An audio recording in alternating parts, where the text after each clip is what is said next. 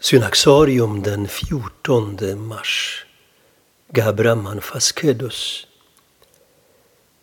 Den femtonde dagen i månaden Magabit, som motsvarar den 14 mars i vår kalender, firar den etiopiska kyrkan en av sina mest älskade eremiter, Abuna Gabraman Faskedus.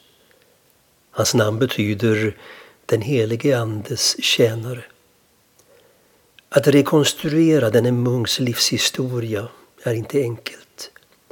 Enligt det etiopiska synaxariet föddes han i Nehisa i Egypten men lämnade som ung staden för att leva som eremit i öknen. Gabra Manfas Kedus står i en monastisk tradition där man på ett radikalt sätt lämnar denna världen för att ge rum för hela skapelsen i sin ständiga förbön. Munken är den som är skild från allt och förenad med allt.